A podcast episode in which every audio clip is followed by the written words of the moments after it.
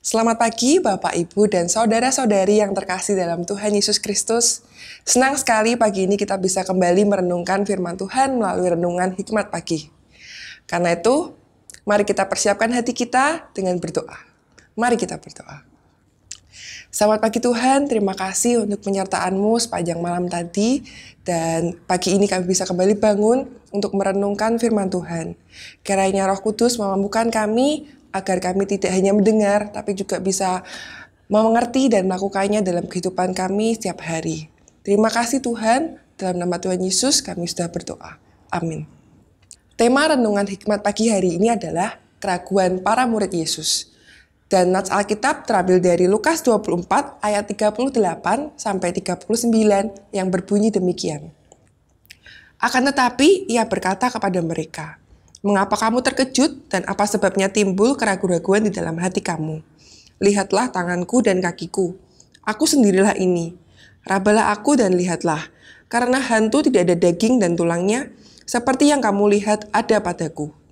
Demikianlah firman Tuhan.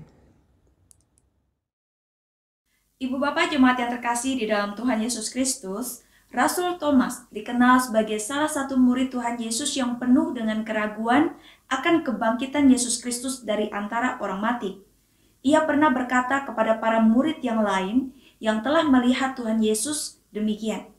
Sebelum aku melihat bekas paku pada tangannya dan sebelum aku mencucukkan tanganku ke dalam lambungnya, sekali-kali aku tidak akan percaya. Yohanes pasal 20 ayat 25.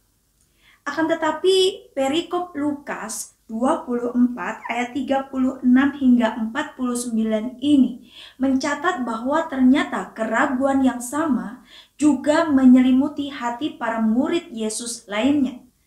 Hal ini diungkapkan sendiri oleh Tuhan Yesus pada ayat 38 dan 39 demikian. Akan tetapi ia berkata kepada mereka, "Mengapa kamu terkejut dan apa sebabnya timbul keraguan-raguan di dalam hati kamu?" Lihatlah tanganku dan kakiku. Aku sendirilah ini. Rabalah aku dan lihatlah, karena hantu tidak ada daging dan tulangnya, seperti yang kamu lihat ada padaku. Keterkejutan dan keraguan itu membuat para murid ketakutan semua karena menyangka melihat hantu ketika Tuhan Yesus hadir di tengah-tengah mereka.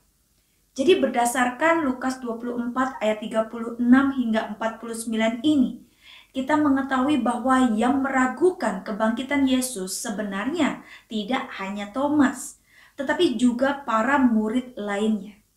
Bedanya adalah tingkat kepercayaan Thomas lebih parah dibandingkan dengan murid-murid Yesus lainnya. Tidak sedikit orang berpendapat adalah hal yang wajar apabila para murid Tuhan Yesus sempat mengalami keraguan berkaitan dengan iman mereka pada kebangkitan Yesus karena hal ini memang belum pernah mereka alami sebelumnya. Mereka memang pernah melihat Tuhan Yesus membangkitkan Lazarus di dalam Yohanes pasal yang ke-11. Namun mereka tidak melihat kematian Lazarus. Sebaliknya kematian Yesus mereka lihat sendiri.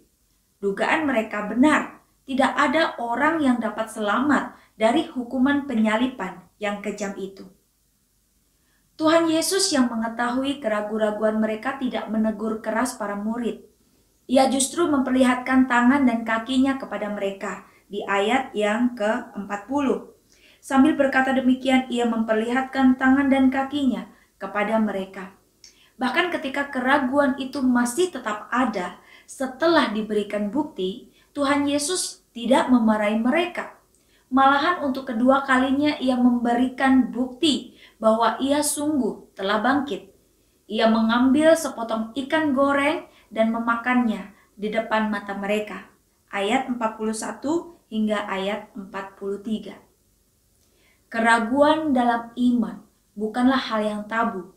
Namun ketika hal itu terjadi ingatlah bahwa Tuhan Yesus yang menguatkan iman para muridnya juga akan menguatkan iman kita kepadanya. Percayalah akan hal ini, bahwa Allah akan menjawab keraguan kita dengan caranya dan sesuai waktunya. kita tetap percaya kepadanya. Amin. Mari kita berdoa. Bapak Surgawi kami tahu di dalam perjalanan iman kami kepada Tuhan. Bisa jadi keraguan demi keraguan bermunculan untuk mempertanyakan tentang Engkau, tentang kasihmu, tentang karya-karyamu, tentang keberadaan dirimu ya Tuhan. Namun kami juga percaya, sebagaimana Tuhan kuatkan hati para murid, sehingga mereka tidak lagi ragu, kami juga percaya Tuhan akan menguatkan kami dan memampukan kami untuk melewati segala keraguan dan mendapatkan keyakinan yang kokoh di dalam Tuhan Yesus Kristus.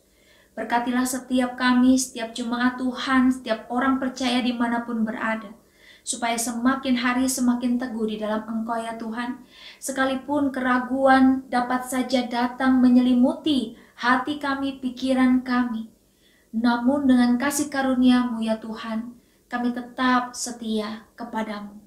Belajar untuk mempercayakan hidup kami, diri kami, hanya kepada Tuhan Yesus saja. Terima kasih untuk kebenaran firman Tuhan yang boleh kami renungkan pada pagi hari ini. Kiranya Tuhan terus berkenan menyertai seluruh langkah kehidupan kami. Di dalam keseharian ini, kami boleh mempermuliakan namamu. Terima kasih Bapak Surgawi, di dalam nama Tuhan Yesus, kami sudah berdoa. Amin. Selamat pagi, selamat berkarya. Tuhan Yesus memberkati kita semua.